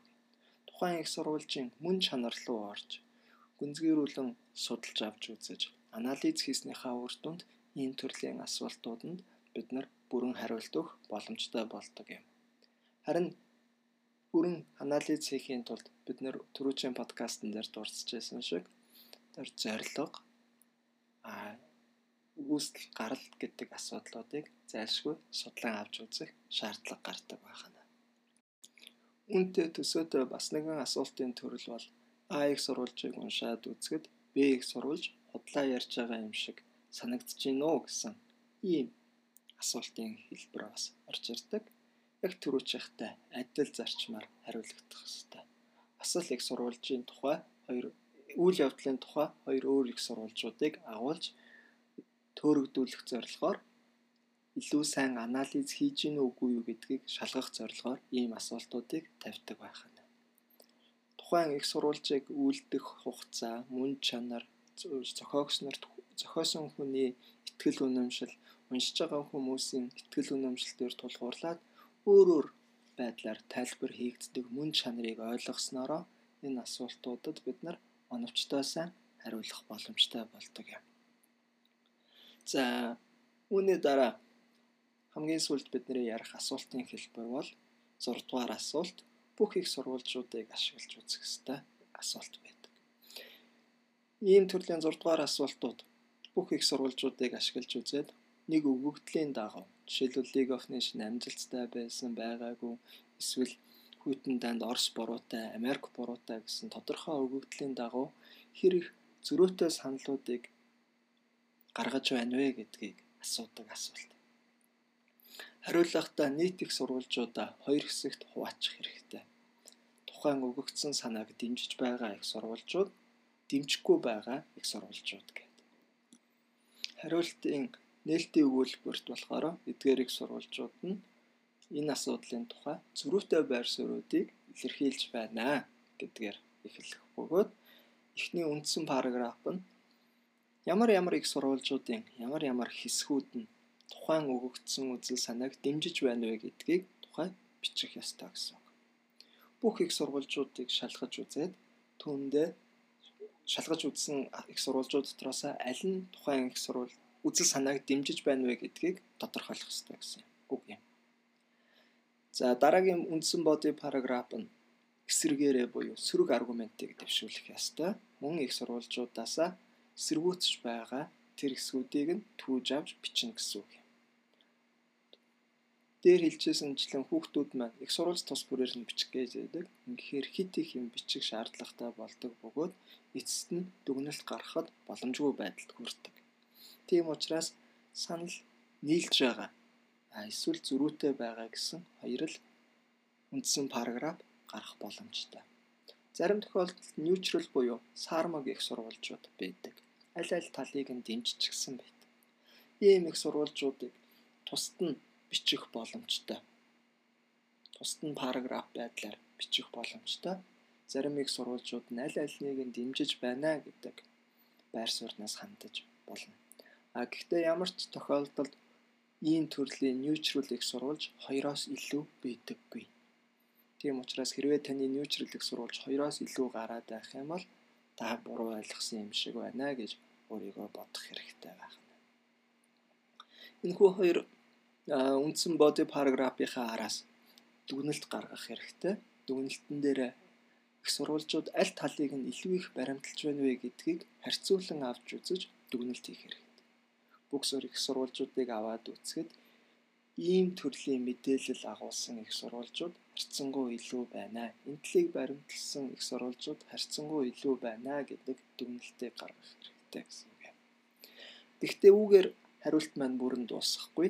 Үүний араас бид нар заавал их сурвалжуудын evaluation буюу үнэлгээнүүдийг оруулж өгөх хэрэгтэй гэсэн үг юм. Ингэхдээ бид нар 2-оос 3 их сурвалжид жишээ болгон татаж яагаад эдгээр их сурвалжуудад 100% итгэж болохгүй вэ гэх мэдээллийг шингээж өгөх ёстой. Түрүүчийн подкастн дээр ярьжсэн шиг ярьжсэнчлэн их сурвалж болгон өөрийн гэсэн сул талтай байдаг. Тэр сул талуудыг нь дурдж өгөөд хамгийн сүүлд нь юу гэж дүгнэх вэ гэдэг юм бол яг энэ сурвалжууд дээр тулгуурлаад нэгдсэн дүгнэлтэнд хүрнэ гэдэг нь өөрөө учир дутагдaltaй. Яагаад гэвэл их сурвалжууд өөрсдөө biased байна. Unreliable байх магадлал байгаа гэдгийг нь уншигч нарт нэмж хүргэж өгөх ёстой гэсэн. Ингэжээс таны хариулт бүрэн болно гэсэн. Шууд эдгээр их сурвалжуудыг аваад үзэх юм бол энэ талд авмгаалж ингээд хариулцгаар та зөвхөн агуулга дээр тулгуурлаж дүгнэлт гаргасан болж. Их сурвалж юу хэлсэн дээр нь тулгуурлаад дүгнэлт гаргасан гэсэн үг. Гэтэл энэ таны зорилго биш. Таны зорилго агуулга дээр тулгуурлаж дүгнэлт гаргана. Гэхдээ энэ дүгнэлт нь өөрөө учир дутагдaltaй юм а гэдгийг үргэлж араас нь сануулж өгөх шаардлагатай байна. Ийм учраас дүгнэлтэндээ заавал хамгийн багадаа 3 их сурвалжийг шалгах хэрэгтэй. Шалгана гэдэг нь болохоор тухайн их сурвалжид бүрэн итгэж болох болохгүй. Итгэхэд ямар хүндрэл байгаа вэ гэдгийг зайлшгүй дурдж өгөх ёстой гэсэн үг юм. Үүний дараа таны хариулт бүрэн боллоо. Пепер 2-ын хүрээнд ерөнхийд нь ярихад ийм байна. Анхаарал тавьсан та бүхэнд баярлалаа. Дараагийн подкастаараа иргэн уулзтлаа. Баяртай.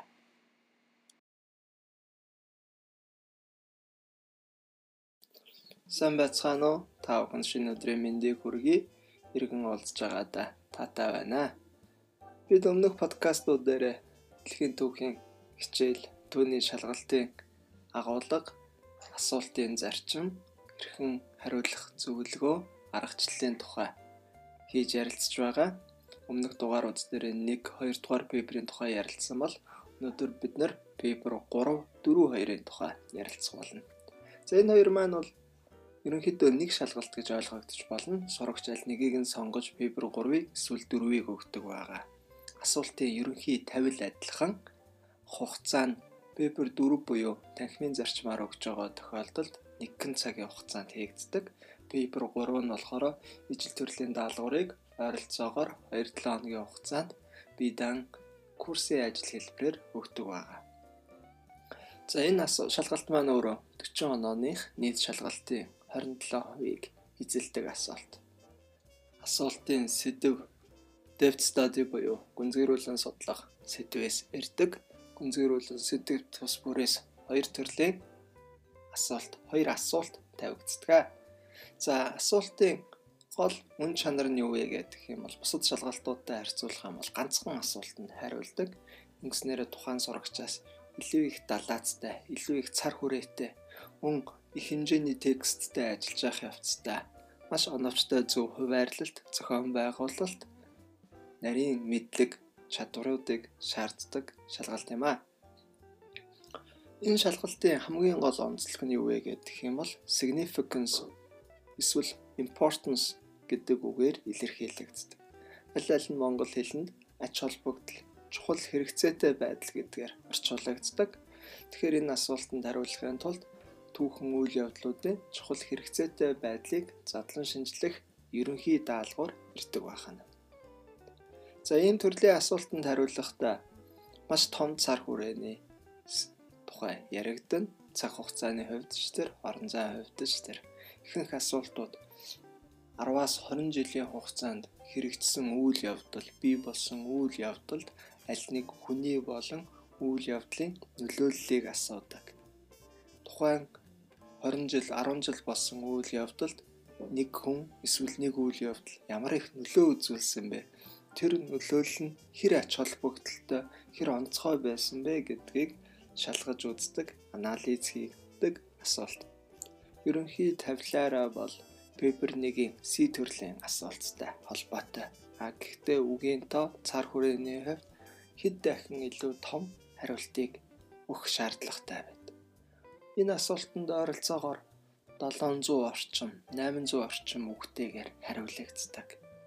Ийм их хэмжээний том текстийг уншигч нарт ойлгомжтой, зөв зохион байгуулалттай хүргэхийн тулд анханасаа маш сайн төлөвлөлт хийх шаардлагатай. Төлөвлөлт хийхдээ хэд хэдэн зүйлийг анхаарах ёстой. Бид нар илүү ойлгомжтой байх үүднээс энэ асуулт дээр хэд хэдэн жишээ баримтан дээр тулгуурлан ярилццгаая. Эхний авах жишээ маань гэх юм бол магадгүй нэг 10 жилийн ингээд сурагч дэлхийн хамгийн алдартай их сургуульд тэтгэлэг авлаа гэж үзье.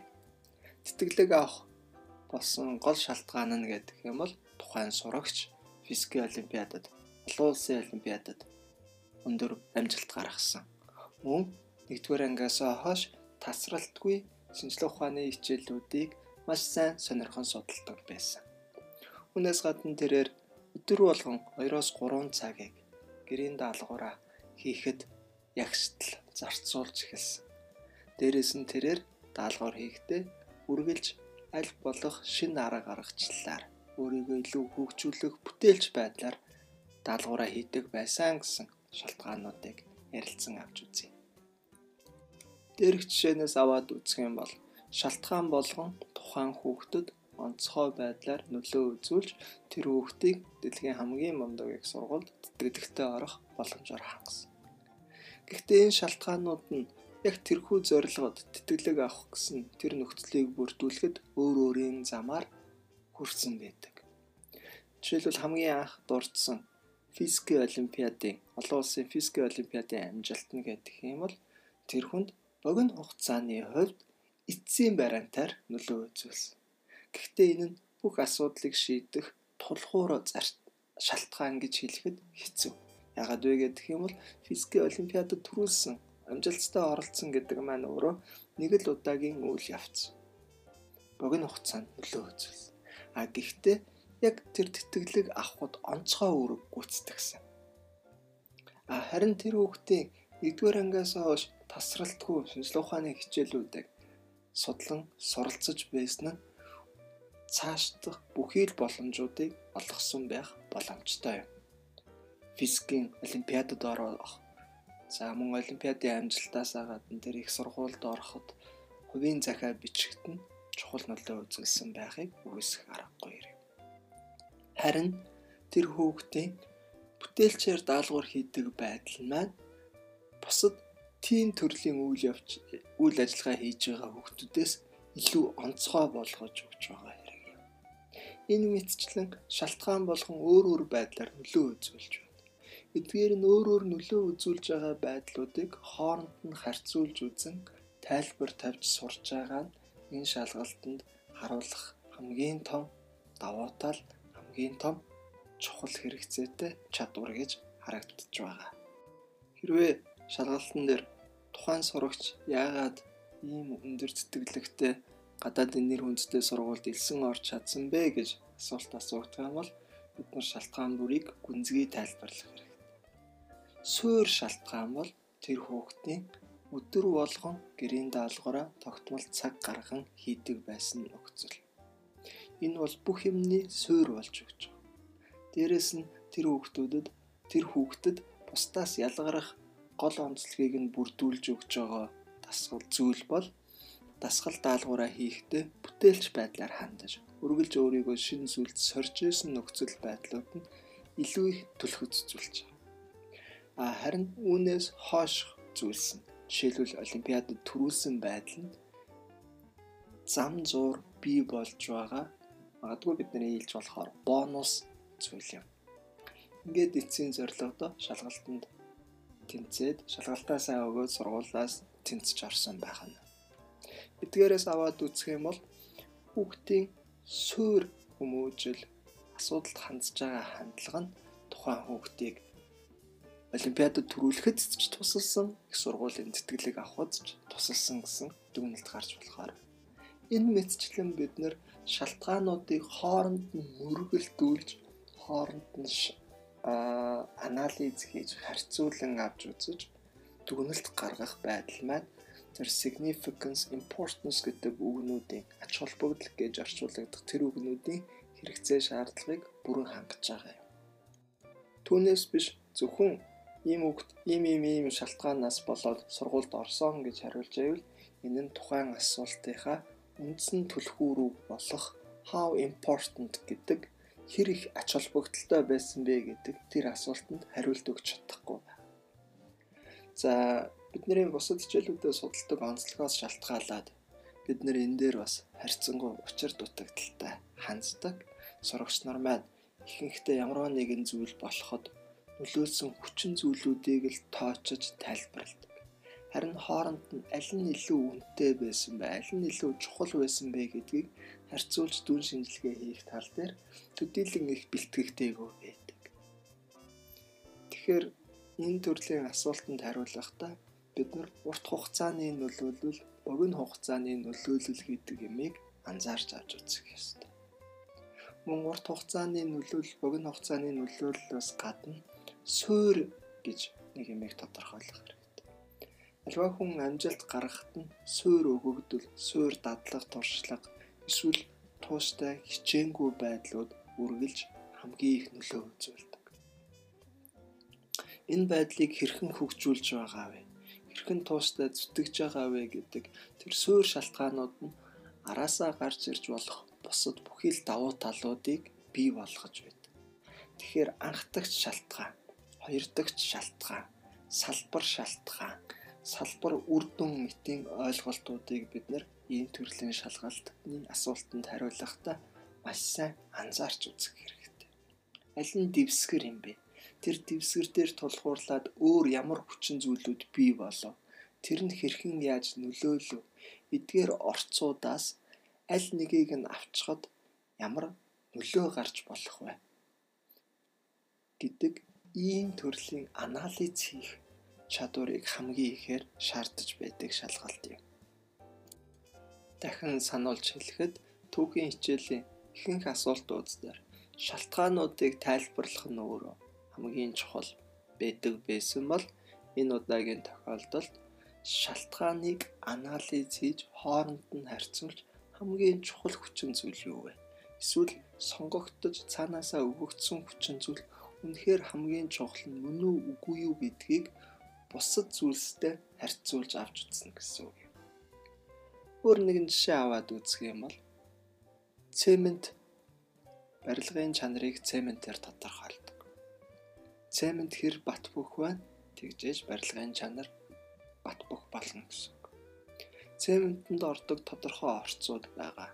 Айраг, илс, ус, цемент гэдэг зүйл бетон хан, сайн бетон хан барихын тулд хамгийн чухал хүчин зүйл нь юу вэ гэдэг юм бол мэдээж хэрэг цемент. Ус, чулуу, хайрга байсан ч гэсэн бат бөх болгож байгаа хамгийн чухал хүчин зүйл бол цемент. Үүний дараа орох юм магадгүй хайрганы ч юм уу эсвэл элсний чанар. Энэ мэдчлэн бид нар шалтгаануудыг эренбэлж сурах аль нь хамгийн үнэтэй орц вэ? Хамгийн чухал зүйл вэ гэдгийг тооцож сурах нь гол зорилго маань юм. Харин одоо бүгдээрээ илүү шинжлэх ухаанч бодит жишээ авч үзье. Жишээлбэл Версалийн гэрээ Гитлер болон нацист намд засгийн эрхэнд гарахт нь хэр их нөлөө үзүүлсэн бэ гэдэг асуулт байлаа гэж бодъё. За нацист нам 1935 онд Гитлер 1935 онд засгийн эрхэнд гарахад маш олон хүчин зүйл нөлөөлсөн. Улс төрийн оновчтой бодлого, германчуудын ахуй байдал, за ялангуяа 1930 29 оноос хойш бий болсон дэлхийн эдийн засгийн их хямрал, улс төрийн эдийн засгийн тогтворгүй байдал, Гитлерийн өөрийн хувийн ур чадвар, зохион байгуулалттай байдал, Версалийн гэрээ зэрэг маш олон хүчин зүйлүүд нөлөө үзүүлсэн. Эдгээр дотроос Версалийн гэрээ өөрөө хамгийн чухал нөлөө үзүүлсэн хэсэг тухай асуултанд хариулж байгаа тохиолдолд бид нар Версалийн гэрээнээс болж Гитлер нацист намд ямар төрлийн давуу талууд бий болсон бэ гэдгийг тооцож үзэх хэрэгтэй. Жишээлбэл германчууд нийтээрээ Версалийн гэрээг үзэн ядах, дургуутсах ийм хандлагатай байсан бөгөөд энэ нь улс төрийн тоглолтыг таатай хөрс үрийг бий болгож өгсөн. Еврей нарыг буруутгаж Германы одоогийн сул дорой тухайн үеийн 1930-ад оны сул дорой байдлын бүхий л гол шалтгаануудыг Версалийн гэрээгээр тайлбарлаж байсан. Тэрч буй дэлхийн 1-р дайнд ялагдах нөхцөл нь зарим нэг этгээд Версалийн гэрээг зурхын тулд буруу үйл ажиллагаа явуулж гал зогсоох гэрээн цагаарын үсэг зурсан. Үүнээс болж маш их хэмжээний хохирол амссан, маш их готомшигтай шийтгэл хүлээсэн зэргүүдээр ойлгогдож байна. А гэхдээ яг 1930-ад оны үйл явдлуудыг тодорхойлоход хамгийн чухал үүрэг гүйцэтгсэн зүйл бол дэлхийн эдийн засгийн их хямрал. Эдийн засгийн их хямралаас үүдэж стрийн тогтворгүй байдлууд бий болж эхэлсэн.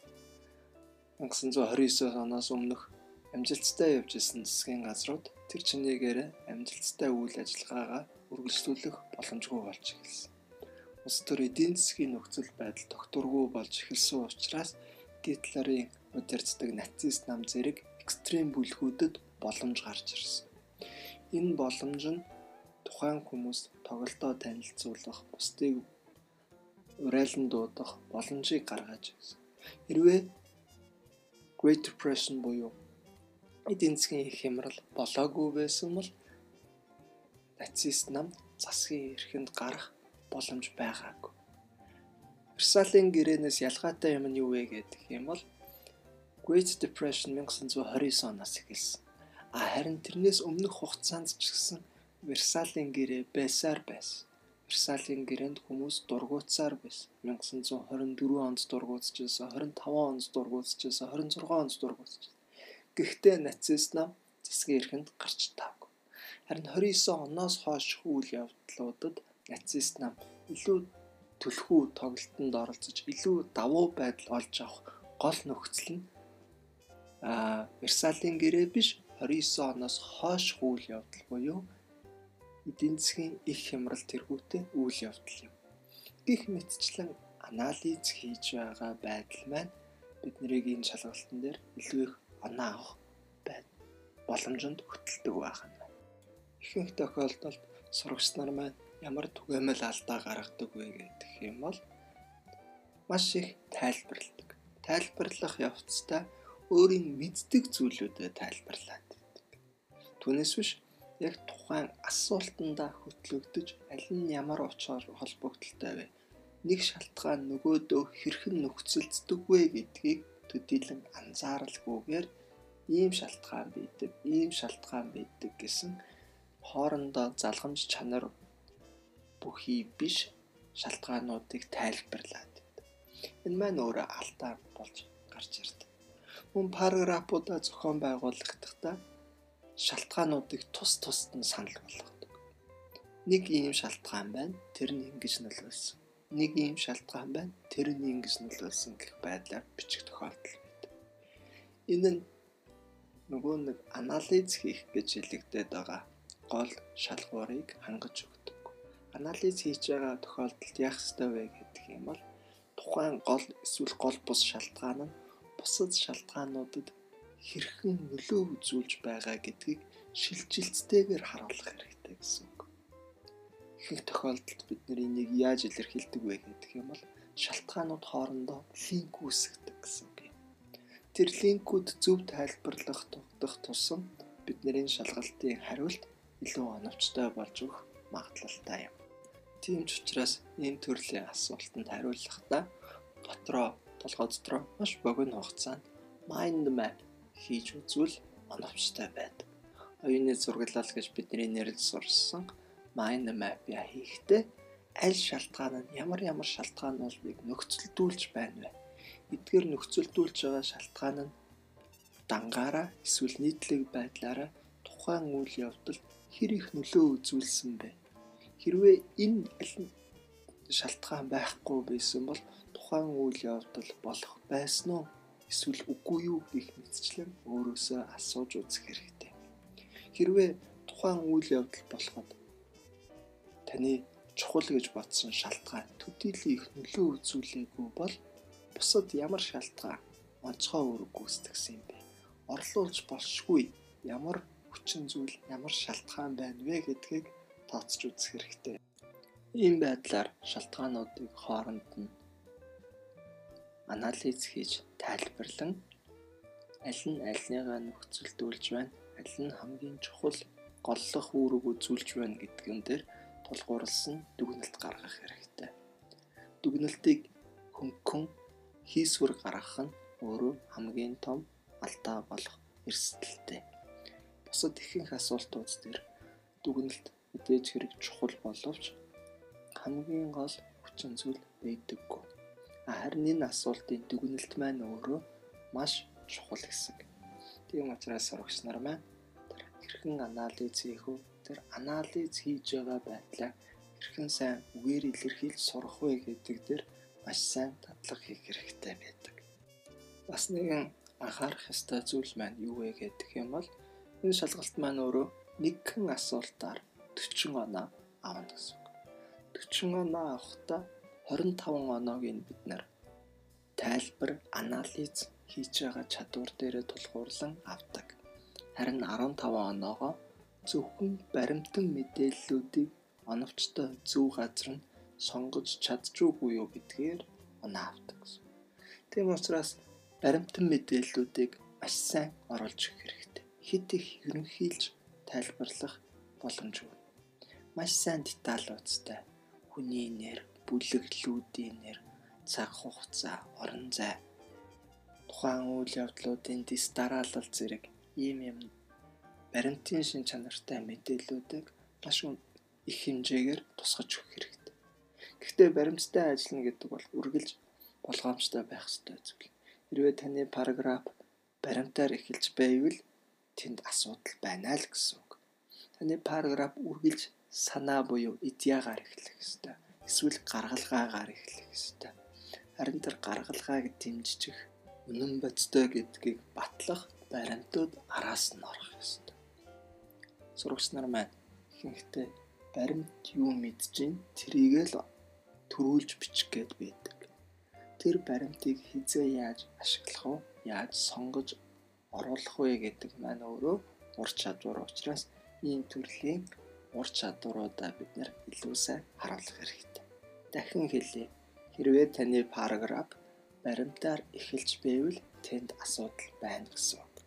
Баримт үргэлж параграфын дунд болон түүнээс хойш хэсэгт орж ирвэл илүү бодтой байдаг. Таны гаргасан санааг дэмжиж байна гэж ойлгож болно гэсэн үг юм. Өөрийн гаргасан санаа болгоныг тайлбарлах. Тайлбарлах явцдаа баримт ашигла. Санаагаа тайлбарлалгүй оргихол юм бол энэ маань дэмжлэг аваагүй бодтой байх магадлал байхгүй гэж үздэг учраас тэн дээр оноо алддаг. Хэрвээ та санаа гаргах юм бол түүнийг заавал тайлбарлах ёстой. Тайлбарлахдаа өөрийн үгээр тайлбарлаад араас нь баримт дэмжлэг, баримт нотлогоо дэмжлэг хэлбэрээр ашиглах хэрэгтэй. Мөн эцэст нь хэлэхэд дүгнэлт үргэлж аналитик байх ёстой. Аналитик гэдэг маань анализ хийсэн, харьцуулж үзсэн аль нь чухал, аль нь илүү хэрэгцээтэй вэ гэдгийг тодруулж өгсөн байх хэрэгтэй. Ингэж байж та асуултын хамгийн чухал түлхүүр болох how important буюу хэр их ач холбогдолтой, хэр их хэрэгцээтэй, хэр чухал вэ гэсэн асуултанд хариулт өгч чадах юм. Энэ хүрээд бидний шалгалтуудын тухай, түүний арга аргачлал, асуултын хэлбэрийн тухай хийж байгаа подкастууд маань дуусаж байна. Суралцагч та бүхний ирээдүйд аз жаргал хамгийн сайн сайхан бүхнийг хүсэн өрөө суралцах үйл явц нь үргэлж өгчөнгүй, үргэлж дэвшилттэй, үргэлж бохшгүй цоцчгүй ирч хүчээр дүүрэн байгаасаа гэж хүсэж байна. Анхаарал тавьсан та бүхэндээ баярлалаа.